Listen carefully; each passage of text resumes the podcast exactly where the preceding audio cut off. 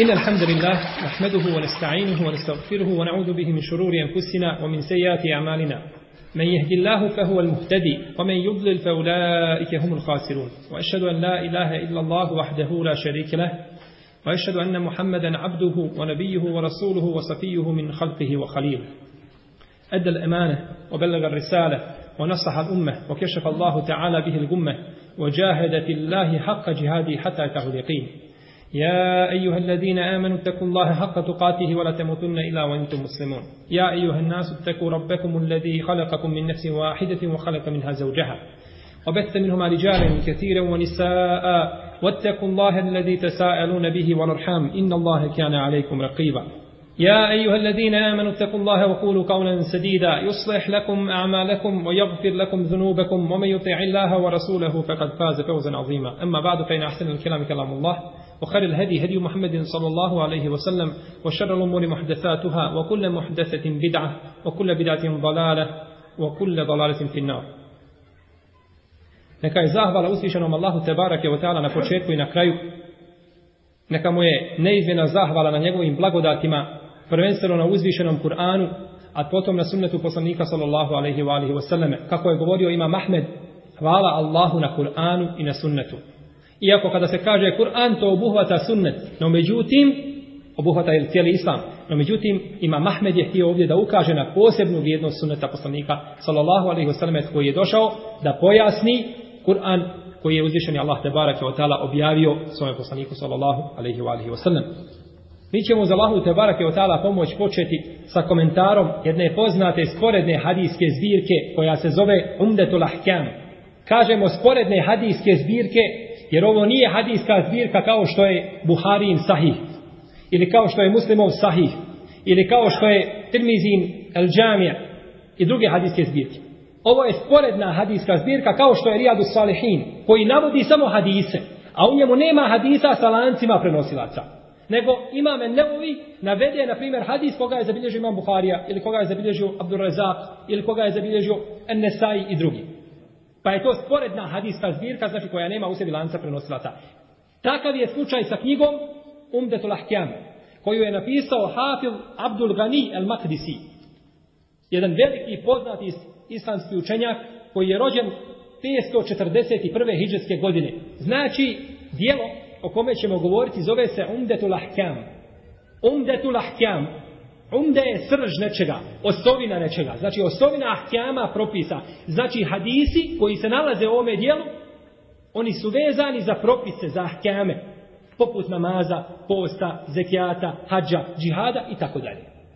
Ovo je dijelo, dakle, napisao poznati islamski učenjak koji se zove Abdul Gani el Makdisi. Abdul Gani. Abdul Gani znači rob bogatog, to jeste Allaha te barake o teala. El Makdisi, što znači da je porijeklom iz Bejtul Makdisa, to jeste iz današnje Palestine, iz koga su mjesta potekli brojni islamski učenjaci. Rođen je znači 541. hijđarske godine. Bio je prvo u Palestini, potom je izišao u Šam, u Dimešk, gdje je sticao znanje pred brojnim islamskim učenjacima. Nakon toga odlazi u Irak, gdje stiče nauku, a posebno hadijske znanosti. Pred brojnim islamskim učenjacima. Od lijepih stvari koje se spominju, koje su vezane za Abdul Ganija al-Makdisija, kaže se da je jedan čovjek jednoga dana kazao svojoj ženi, ti si, kaže, puštena ako Abdul Ganija al-Makdisi ne pamti 100.000 hadisa. Ako on ne bude pamtio 100.000 hadisa, kaže ti nisi više moja žena. Pa su ljudi otišli do Abdul Ganija al-Makdisija da ga pitaju, jer radi se o braku. Hoće li opstati jedan brak ili neće? Pa su ga pitali, šta misli o tome? Kaže, tako mi je Allah da se je zakleo i više od toga, kaže, ne bi se desio talak. Što znači da pamti više od 100.000 hadisa na pamet. Rahimehullahu ta'ala. Ovaj veliki islamski učenjak umro je 600. hiđetske godine, znači kada je imao 59 godina. Napisao je dijelo koje se zove, znači, Umdetul Ahkam, i u njemu je sakupio hadise koji se nalaze u dvije hadijske zbirke kod Buharije i kod muslima. A to su najvjerodostojnije dvije hadijske zbirke, prvo Buharija pa nakon toga muslima. Znači svi hadisi koji se nalaze u Umtetul Ahkjamu su iz Buharije i muslima ili jednoga od njih dvojice. Ponekad neki hadis, na primjer, bilježi Buharija, ne bilježi ga muslim. Ali većinu hadisa su zabilježili ko? Buharija i muslim. Znači dva šeha. Kaže Abdul Gani el Makdisi na početku ovoga svoga dijela Fe inne ba'da li hvan seleni ihtisara džumletin min ahadith al-ahkam mima tefeka alejhi al-imamani Ebu Abdillah Muhammed ibn Ismail ibn Ibrahim al-Bukhari o Muslim ibn al-Hajjaj ibn Muslim al-Nisaburi feđebtuhu ila sualihi alihi ređajel menfa'ati bihi kaže tražila su neka braća od mene da napišem jednu knjigu skraćenog oblika u kojoj ću sakupiti hadise koji se vežu i tiču ahkjama, znači propisa, hadise koja su zabilježila dvojica imama, Bukharija i Muslim. Ebu Abdillah Muhammed ibn Ismail al-Bukhari i Muslim ibn al-Hajjaj ibn Muslim al-Isaburi. Pa sam mu se kaže odazvao da udovoljim njegovoj molbi, pa sam kaže napisao ovu knjigu želeći da se ljudi njome okoriste i da imaju znači od nje hajr.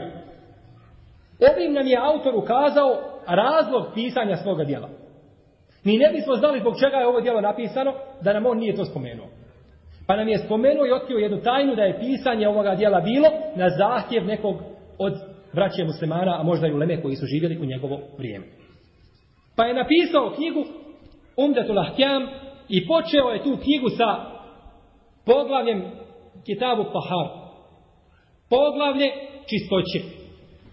I u tom poglavlju prvo što je spomenuo bio je hadis Omera radijallahu ta'ala anhu u kome poslanik sallallahu alaihi wasallam kaže innama al-a'malu bin niyat wa innama li kulli imrin ma nawa dijela se cijene prema namjerama femen kjanet hijratuhu ila Allahi wa rasulihi fe hijratuhu ila Allahi wa rasulihi pa onaj ko na nijeti da učini hijđru ka Allahu i njegovom poslaniku njegova hijđra će biti ka Allahu i poslaniku. To jeste imat će od svoje hijđre ono što je naumio. ومن كانت هجرته إلى دنيا يصيبها أو امرأة يتزوجها فهجرته إلى ما هاجر إليه. A onaj ko nanijeti hijđru da bi time dobio neka dunjalučka dobra, neka ovosvjetska dobra, ili da bi ženu oženio, on ima od svoje hijđre ono što je naumio.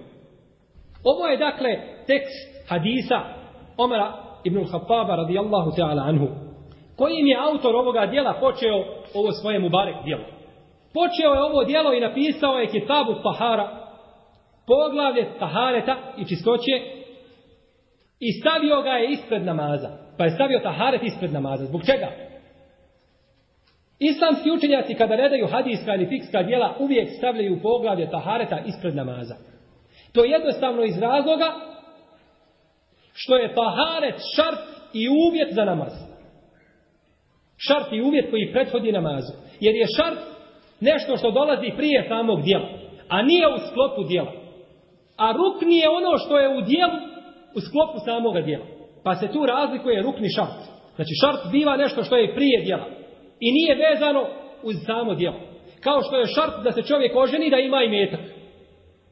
Ili da ima pravednost. Da je pravedan, da neće nepravdu činiti. To je šart. Uvjet znači za brak. A nije sastavni dio rukn braka. Tako ovdje imamo taharet, to je rukn ili uvjet za namaz, iako nije sastavni dio namaza. No međutim, zbog čega je autor ovoga dijela počeo sa ovim hadisom Omara ibn Khattaba, koji nema u svojoj bar spoljašnjosti neke bliske veze sa taharetom. Zbog čega je spomenuo hadis Omara ibn Khattaba. Na osnovu ovoga možemo izvući više zaključaka i više koristi. Prva korist jeste da čovjek koji hoće sticati znanje, koji hoće učiti Allahu te barake od tala vjeru, mora imati ispravan nijet. Prva stvar koju zaključujemo iz ovoga hadisa jeste da čovjek koji hoće da stiče šerijatsko znanje mora imati ispravan nijet. Innama a'malu bi nijat. Djela se cijene prema namjerama. Slično ovome je učinio, odnosno isto ovo učinio imam Buharija u svome sahihu. On se u stvari ugledao na imama Buhariju. Jer imam Buharija prvi hadis koji je stavio u svome sahihu jeste ovaj hadis Omar ibn Khattaba radijallahu ta'ala anhu koga smo citirali. Spominje imam al-Khattabi od islamskih učenjaka da su kazali Treba svaki čovjek koji hoće da piše knjigu da stavi ovaj hadis na početku svoje knjige. Zašto? Da bi čovjek prije pisanja toga dijela očistio svoj nijet, pa čistim nijetom pristupio tome dijelu, da bi nakon toga Allah Žešanu učinio i njemu nagradu i da bi učinio bereket u tome dijelu i da ga uče generacije nakon toga. Znači da očisti svoj nijet. I spominje Ibnul Molekin od Abdurrahmana Ibn Mehdija koji je umro 189. hijđarske godine da je rekao ko hoće da piše knjigu neko dijelo, neka počne sa ovim hadisom. Neka prvo spomene ovaj hadis. I rekao je kada bih ja pisao neko djelo fiksko, spomenuo bi ovaj hadis prije svakog poglavlja. To jest kada god čovjek uđe u neko novo poglavlje, da očisti svoj nijet i da tako čistim nijetom pristupa sticanju šarijetskog znanja.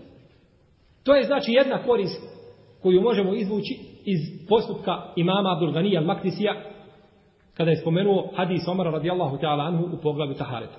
Druga korist koju možemo izvući jeste to što je autor ovoga dijela ukazao na jednu jako bitnu meselu, na jedno jako bitno fiksko pitanje oko koga se spore islamski učenjaci. A to je da li je nijet uvjet za taharet. Spominje nam poglavlje tahareta, a prije tahareta nam spominje nijet. Pa nam ukazuje na jedno jako bitno fiksko pitanje oko koga se spore islamski učenjaci, a to je da li je nijet uvjet za ispravnost tahareta. Većina islamskih učenjaka, između koji su Imam Ahmed, Malik i Šafija, smatraju da je nijet uvjet, odnosno šart za ispravnost tahareta. I to dokazuju ovim hadisom, koga smo citirali. Ahmed, Šafija i Malik.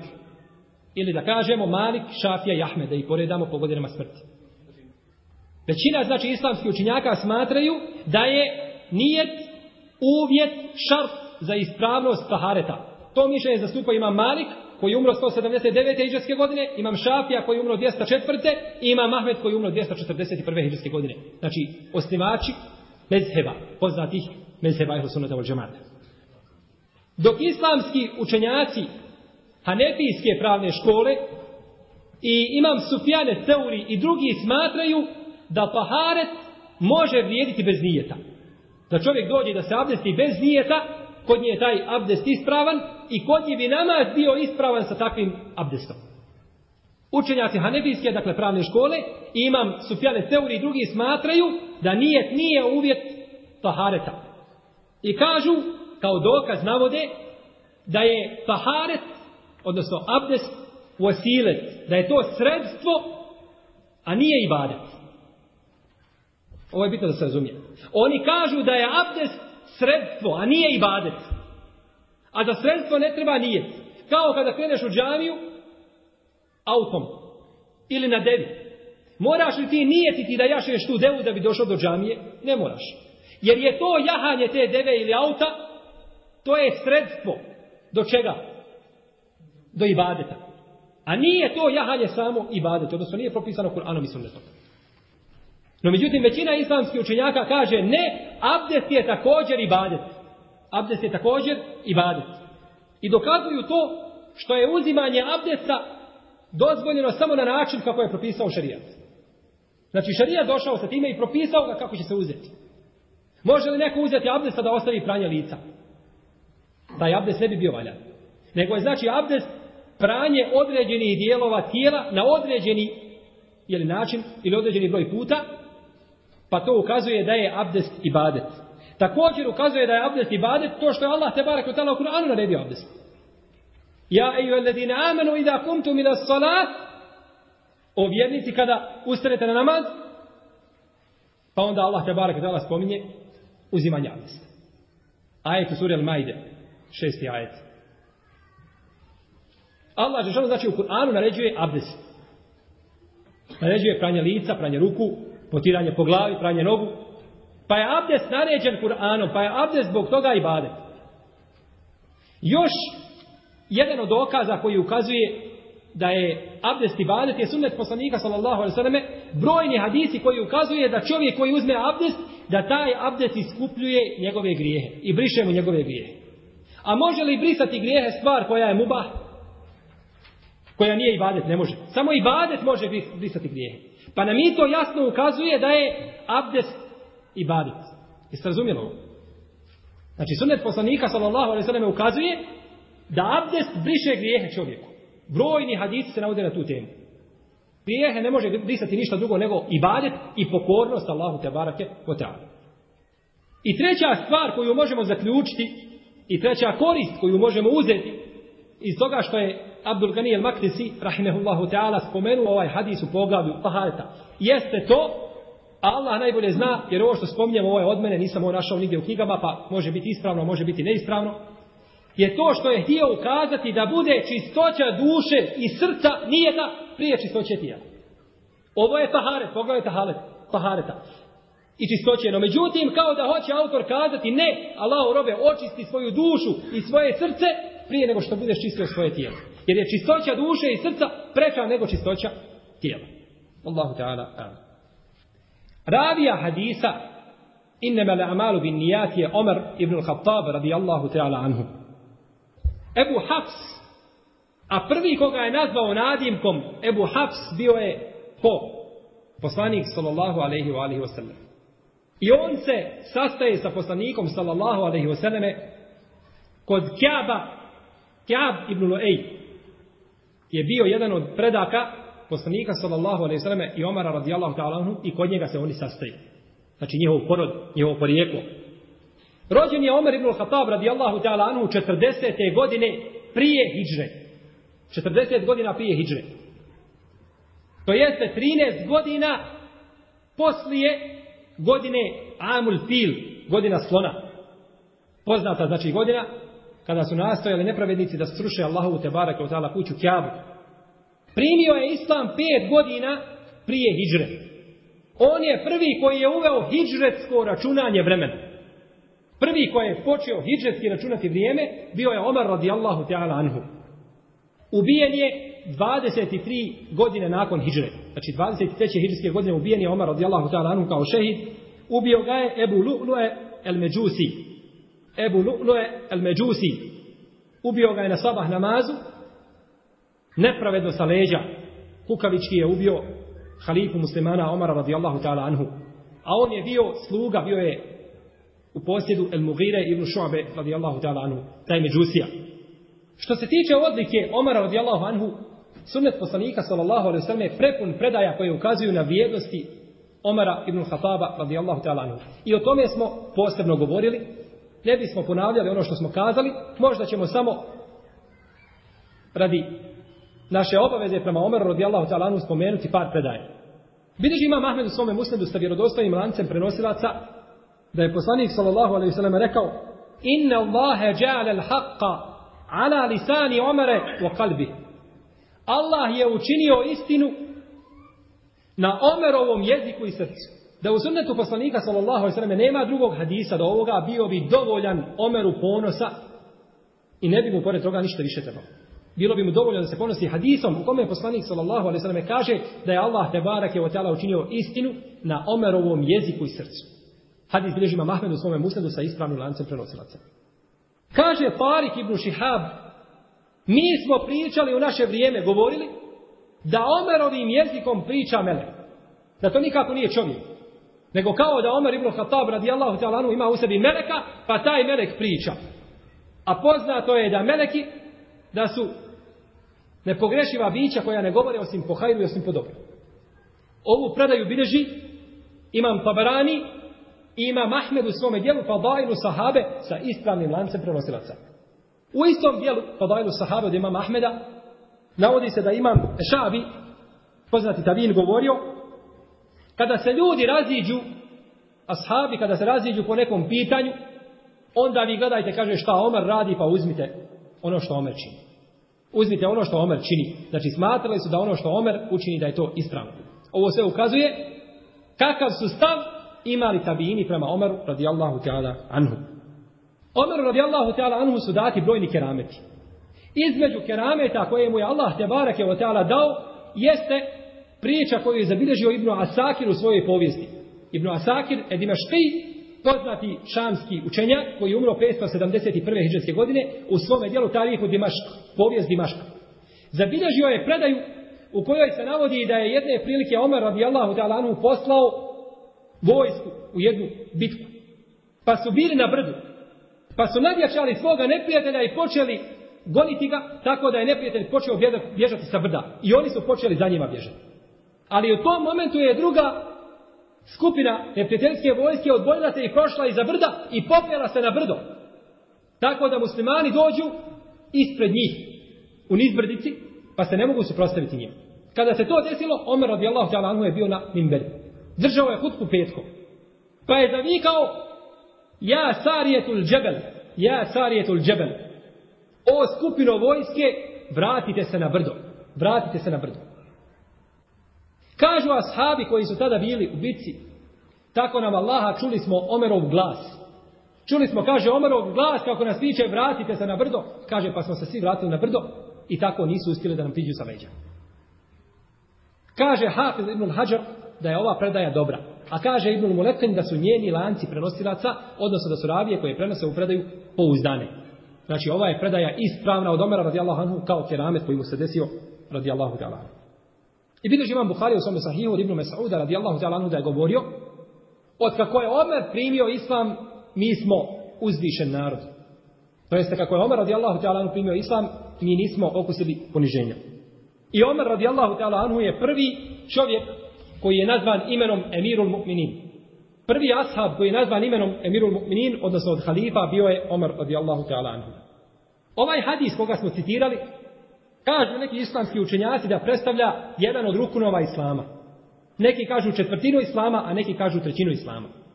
Ovaj hadis prenosi od poslanika sallallahu alejhi ve selleme Omer ibn Khattab. A od Omera ibn Khattaba ga prenosi samo Alkame ibn Waqas. Alkame ibn Waqas Elejthi. A od njega ga prenosi samo Muhammed ibn Ibrahim Etejni. A od njega ga prenosi samo Jahja ibn Sa'id al-Ansari. Ovo su četiri ravije koje su došle jedan iza drugog. Nije se niko upleo među njih. Pa nije niko ovaj hadis prenio od Omera do Alkame. A nije ga od Alkame niko prenio do Muhammed ibn Ibrahim. A nije ga od Muhammeda ibn Ibrahima niko uzeo osim Jahja ibn Sa'id al-Ansari. A potom je došlo 200 ljudi koji su ga prenijeli od Jahja ibn Sa'id al-Ansari. 200 ljudi ga je prenijelo. Pa je uvijek hadis, lanci prenosilaca hadisa se račvaju više u poznijim, znači ovim generacijama, u kasnijim stoljećima. Neki kažu da ga od Jahje ibn Sa'ida prenijelo 700 ljudi, ali to nije ispravno. Kako tvrdi Hafiz ibn Hajar u Petul Bariju i u drugim dijelima. Ovaj hadis prenosi više od 20 ashaba, kako tvrde neki hadijski eksperti. 20 ashaba, no međutim, kaže imam El-Hattabi, u svome dijelu El-Alam, ne znam, kaže da ima razilaženja među islamskim učenjacima, da je ovaj hadis došao jedino putem Omera, ispravnim lancem prenosilaca. Svi drugi putevi koji se prenose su slabi, osim ovaj put Omera, radijallahu ta'ala, anhu. U ovome hadisu se spominje nijet. Mi smo znači sada ušli u komentar samog hadisa, teksta hadisa. U ovome hadisu se spominje innemel a'malu bin nijat. Dijela se cijene i vrijednuju se prema namjerama. Dobro, kako se to čini namjera za neko djelo? Većina islamskih učenjaka smatra da se nijet donosi srcem i ne izgovara se jezikom i riječima. Nijet za namaz, za abdest, namaz, povoz, zekijat, hađ, sadaku i sve drugo donosi se isključivo srcem. To je mišljenje većine islamskih pravnika. Jer je poslanik sallallahu alaihi sallam rekao et takva hahuna." Takva je ovdje u srcu i to je pokazao tri puta. Pa se srcem donosi nijet. I zato onaj ko donese srcem nijet za određeni obred, a ne učini to jezikom, njegov nijet je ispravan kod svih islamskih učenjaka. On donese znači nijet svojim srcem, a nije to učinio jezik, njegov nijet je ispravan kod svih islamskih učenjaka, po mišljenju svih islamskih pravnika. Osim jednog slabog mišljenja kojega neki islamski učenjaci s šafijske pravne škole pripisivaju imamu šafiji, da može čovjek i da treba za namaz donijeti nijet riječima. No, međutim, to su osudili brojni pravnici i brojna ulema kazali da je to pogrešno. Da imam šafija nikada tako nešto nije rekao, niti da se to može zaključiti iz riječi imama šafija. Kaže šehol Islam Ibn Taymije u svojim fetvama u 18. tomu na 262. stranici. Nije se, kaže, donosi srcem po konsensusu islamskih učenjaka. Kod svih islamskih pravnika nije se donosi u srcem. Znači, donosi se srcem, to je osnova i to je temelj. Ako donese, donese taj nijet svojim srcem, a ne učini to riječima, njegov nijet je ispravan također po konsensusu pravnika. Opet po svih islamskih učenjaka. Znači jednostavno nijet se donosi srcem, a ne donosi se jezikom. Ovaj nam hadis, draga moja braća, ukazuje na vrijednost nijeta. Da čovjek ima od dijela ono što naumi. Pogledajte hadis koji je zabilježio ima Ebu Jada u svome musnedu, u kome je poslanik sallallahu alaihi sallam kaže da će uzvišeni Allah te barek ta'ala kazati na sudnjem danu melekima koji pišu dobra djela. Pišite mome robu takvu i takvu nagradu. Pišite mu takvu i takvu nagradu. Pišite mu to i to. Pa će kazati meleki, o gospodaru naš, mi to nismo vidjeli da je on to uradio. Nismo vidjeli da je tako nešto uradio, niti mi to imamo zapisano kod sebe u svojim knjigama, da je on tako nešto činio. Pa će kazati, Allah te barake o tela, innehu nevahu, innehu nevahu. On je, kaže, to nanijetio da učini. On je nanijetio da to učini. On je nijetio da to učini, ali ga je nešto spriječilo. Taj njegov nijet je nešto spriječilo. Pa ima nagradu zbog svoga nijeta. Ovo je znači komentar hadisa, dijela se cijene prema namjerama. Šta znači to? Znači da imaš ono što naumiš, taman ga i ne učinio. Ako te spriječi nešto. Ako namjerno odustaneš, nećeš imati nagradu. Naumiš pa namjerno odustaneš, tu pojačuje mišlje, nećeš imati nagradu. Ali ako budeš spriječen da to učiniš, onda ćeš imati nagradu kod Allaha tabaraka wa ta'ala, inša Allah. U ome smislu je hadis poslanika sallallahu alaihi wasallame nijetul mu'mini hajrun min ameli. Nijet muslimana je bolji, nijet vjernika je bolji od njegovog djela. Zapišite svi ovaj hadis. Nijet vjernika je bolji od njegovog djela. Ovaj hadis je daib, slab, nije vjerodostojan.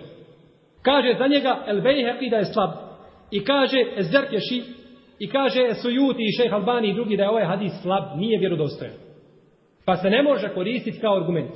No međutim, budući da veliki broj fakiha i muhadisa govori o ome hadisu i komentar daju na njega, mi ćemo kazati šta bi bilo značenje ovoga hadisa kada bismo kazali, na primjer, da je dobar.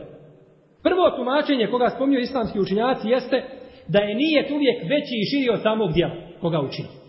Pa bi tako nijet bio bolji od djela. Znači nije sam, on je veći od djela. I obsežniji od djela, pa tako biva bolji od djela. Drugi komentar i drugo značenje ovoga hadisa koga spominju islamski učenjaci jeste da je nijet bez dijela bolji od dijela bez nijeta. Da je nijet bez dijela bolji od učinjenog dijela kome nije prethodio nijet. Treće tumačenje ovoga hadisa jeste da čovjek nije ti, ako bude živio hiljadu godina, da će uvijek Allaha Đoršanu obožavati na istini na haku. Pa ne živi nego stotinu. Ali ima nagradu za svoj nijet koga je nijeti od hiljadu godina.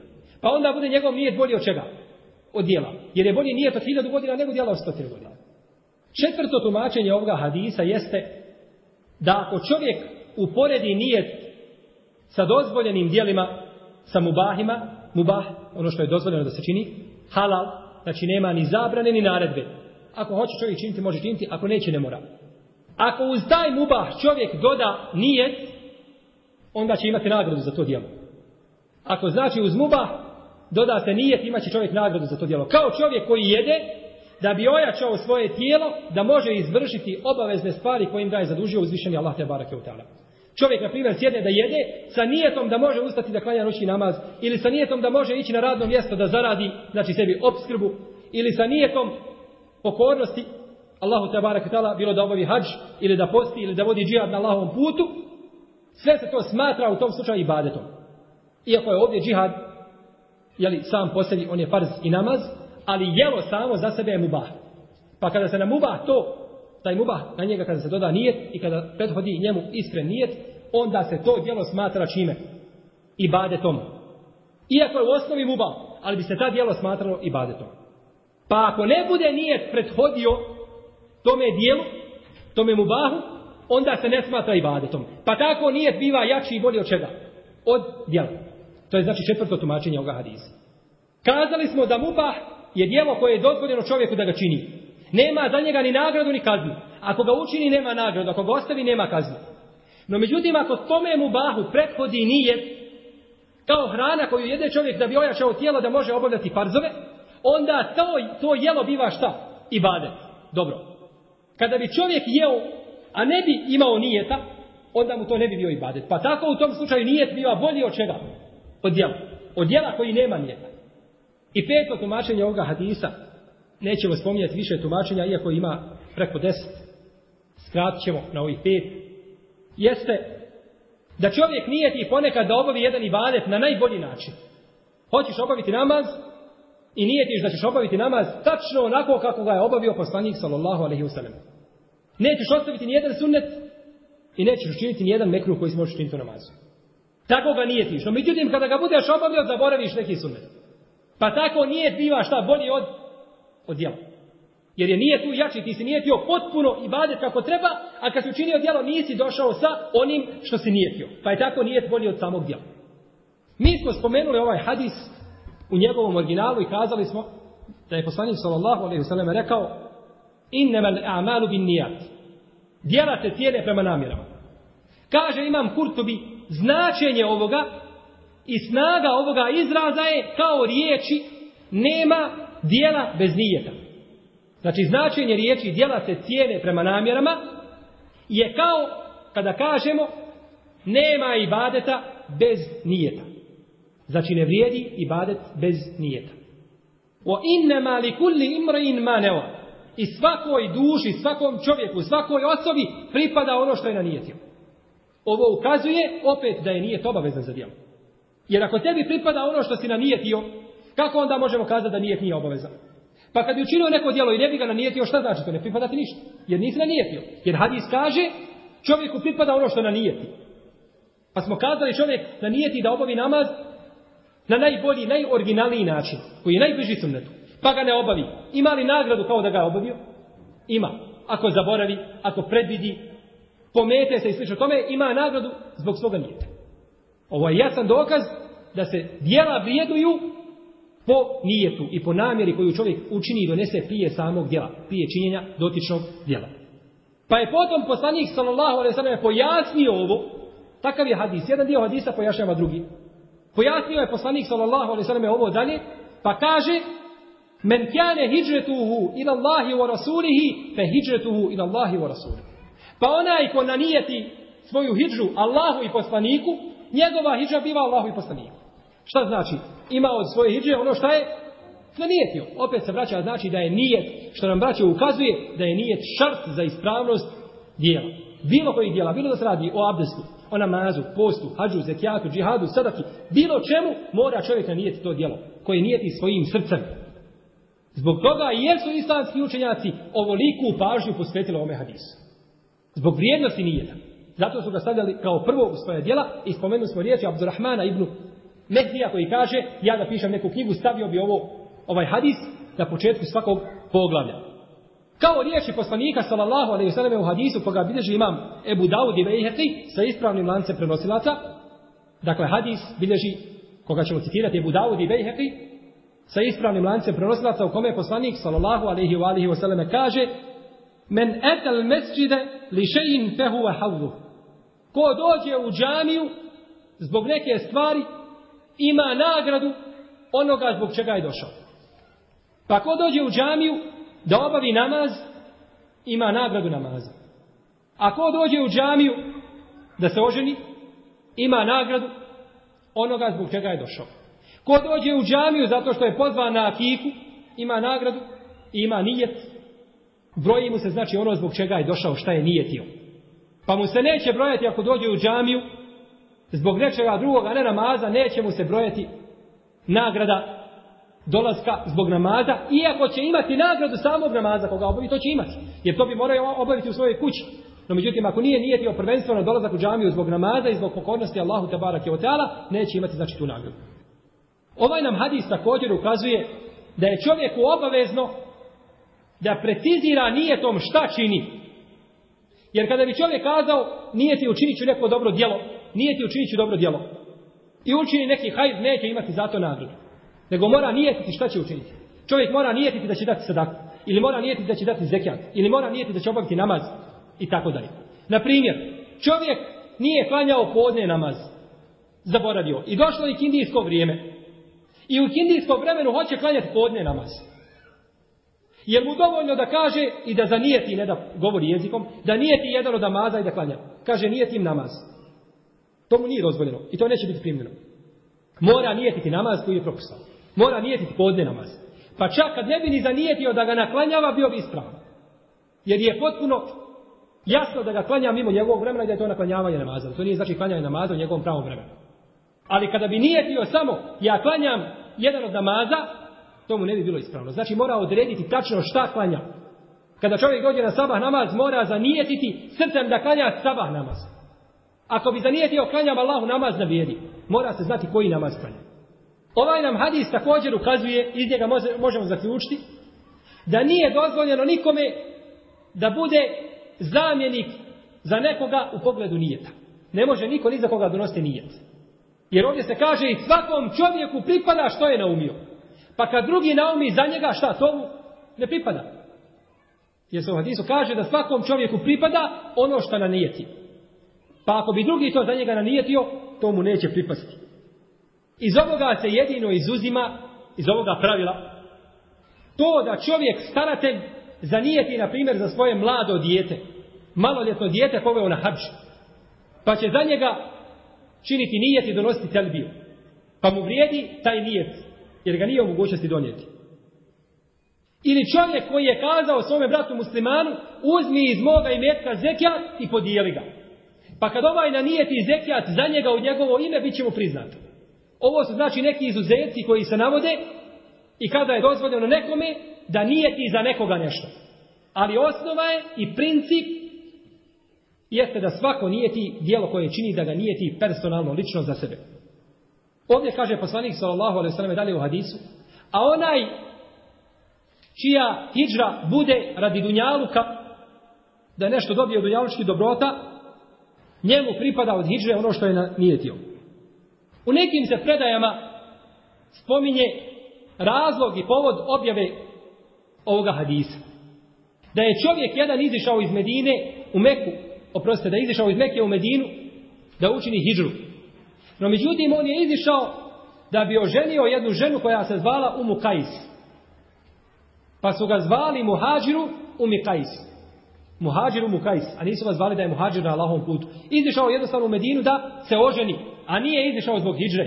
Pa kada su to kazali poslaniku sallallahu sallam rekao je ko učini hidžu zbog Allaha i poslanika njemu pripada hidžra koji je učinio zbog Allaha i poslanika. Pripada mu ta nagrada. A ko učini hidžu zbog dunjaluka ili žene da je oženi, on imao svoje hidže, ono šta, što je na nijetio. Znači nemaš hidžu, nego imaš ženu koju ćeš oženiti. A i to je hajr. No međutim, ovu predaju bilježi imam Tabarani u svome možemo kevirusa od predaje Ibn Mesauda, od Ibn Mesauda, no međutim kaže Hafiz Ibn Rajab al-Hambali u svome djelu džamiju el-Ulumi wal-Hikem, da ne zna da ona ima lanac, ispravan lanac prenosilaca. I većina pravnika smatra da ova priča nije osnovana. Znači da lanac prenosilaca ove priče nije ispravan i da povod objave ovoga hadisa se ne može temeljiti na ovoj predaji. Pa je ispravno kazati da je ova predaja općenita. Da čovjek šta god učini, da mu za Allaha i u ime Allaha da mu to pripada nagrada, a ako učini nešto mimo toga, ima ono što je naumio. Ako dobije. Jer ako čovjek iziđe da oženi ženu, izladi na Allahovom putu hiđu i na da samo oženi ženu i ne oženi, onda nema ništa. A da je krenuo u hidžru i nije obavio hidžre, spriječio ga reprijeti, uhvatio ga na putu i kaže ne moraš se vratiti nazad u mek, imao bi nagradu hidžre, kao mu hađe. Pa je u svakom slučaju nijet Allahu te barak je tala bolji i preči i zbog nijeta biva čovjek pregrađivan. Možda će neko ovdje postaviti pitanje. Zbog čega mi ovdje sada pogrdno govorimo o čovjeku koji iziđe radi dunjaluka? Izišao čovjek u hidžu i uzima nešto od dunjaluka i vraća se. Dunjaluk je muba. Čovjek može izići u mjesto jedno, zaraditi nešto od dunjaluka i vratiti se svoje kući. Bilo da se oželi ili da uzme i metak i slično tome. Zbog čega onda hadis spominje ovdje vid pogrde onome ko tako učini? Jednostavno iz razloga što je taj čovjek izišao da obavi hidžru. I svi vide da je on muhađir, hoće hidžru. A on u svome srcu ne cilja hidžru, nego hoće nešto drugo. Pa je ispunio jedno, a u svome srcu sakrio šta? Drugo. E, zbog toga hadis govori pogredno o njemu. Da ne bi neko kazao, e vidimo, da vidimo ovdje, i vidimo ovdje da poslanik sallallahu ve sallam, govori pogredno o njemu hoće nešto dunjalu. Pa ne, dozvolio čovjeku da iziđe iz Medine u Meku i da se oženi iz Meku u Medinu. Iz Bosne u Saudijsku Arabiju ako mu dozvole. No međutim, ako bi čovjek izišao, kaže ja hoću da idem na hađ i ljudima govori kako je hađija i pravi onaj hađijski ručak i sliš o tome i ode tamo i traži ženu. Ne zanimaju njega hađski obred. Traži ženu i vrati se. Je li tada govorimo pogrd o njemu? Da. Jer on se je predstavljao u jednom svjetlu, a krio u svome srcu nešto drugo. Onda kaži, odma ja imam nije taj i taj, i to ti je dozvoljeno i to ti je mubah da učiniš. Možda će ovdje neko kazati u redu. Prvi put je poslanik sallallahu alejhi ve sellem rekao ko iziđe na Allahovom putu, na hidžu na Allahovom putu, on ima od svog izlaska hidžu koja je na Allahovom putu, to jest Allahov poslanik. A ko iziđe radi dunjaluka, on ima nagradu ono zbog čega je izišao. Zbog čega nije poslanik sallallahu alejhi ve sellem drugi put ponovio ima nagradu dunjaluka. Razumijete? Prvi put kaže poslanik sallallahu alejhi ve selleme, ko učini hidžu zbog Allaha i poslanika, on ima nagradu hidže zbog Allaha i poslanika. A drugi put kaže, ko učini hidžu zbog dunjaluka ili žene da je oženi, on ima nagradu onoga zbog čega je učinio hidžu. Nije spomenuo nagradu dunjaluka i nagradu žene koju hoće da oženi. Zbog čega? Kažu islamski učenjaci, neće poslanik sallallahu alejhi ve selleme da ponavlja riječ dunjaluk, dunjaluk, dunjaluk. Jer dunjaluk je nešto pogrebno u stvari.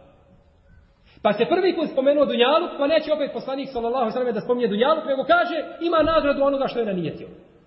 Jer kaže Arab, jedan arapski primjer kaže, mena habbe šejen ekstere min zikrihi. Ko zavoli neku stvar, puno je spominje. Šta spominje neoženjen čovjek? Ženi. Šta spominje čovjek koji nema posla? Radno mjesto. Čovjek koji nešto voli, koji teži ka nečemu, koji želi nešto, on to non spominje i to mu je na jeziku. E tako i ovdje da se ne bi kazalo, kako se puno spominje dunjalu kroz hadise, kaže poslanik sallallahu alejhi ve ko iziđe da obavi hidžru radi Allaha i poslanika, on ima hidžru radi Allaha i poslanika. A ko iziđe radi dunjaluka, on ima ono zbog čega je izišao. Znači da se ne ponavlja ponovo taj izraz dunjalu dva puta. Jesi. Ovo bi bilo ukratko o hadisu Omara ibn Khattaba innema na amalu bin nijat. Dijela se cijene i vrijednuju prema namjerama. Ovo što smo kazali o hadisu nije moglo biti sažetije. Islamski učenjaci ponekad na 80 ili 100 stranica govore o ome hadisu. Mogu se cijele serije i ciklusi predavanja držati o ome hadisu. No međutim, mi smo jednu veliku nepravdu učinili islamskim učenjacima i hadisu, pa smo to skratili u jedan sahat vremena. No međutim, uzvišen je Allah te barak dala za naše mogućnosti i za naša stanja, pa molimo ga Azza u da nam oprosti i da učini inša Allah ono što smo kazali i ono što smo čuli na vagi dobrih dijela svih nas i da nas pouči našoj vjeri. Wa sallallahu ala nabina Muhammed wa ala alihi wa sahbihi ajma'in. Wa jazakumullahu khairal jazaa.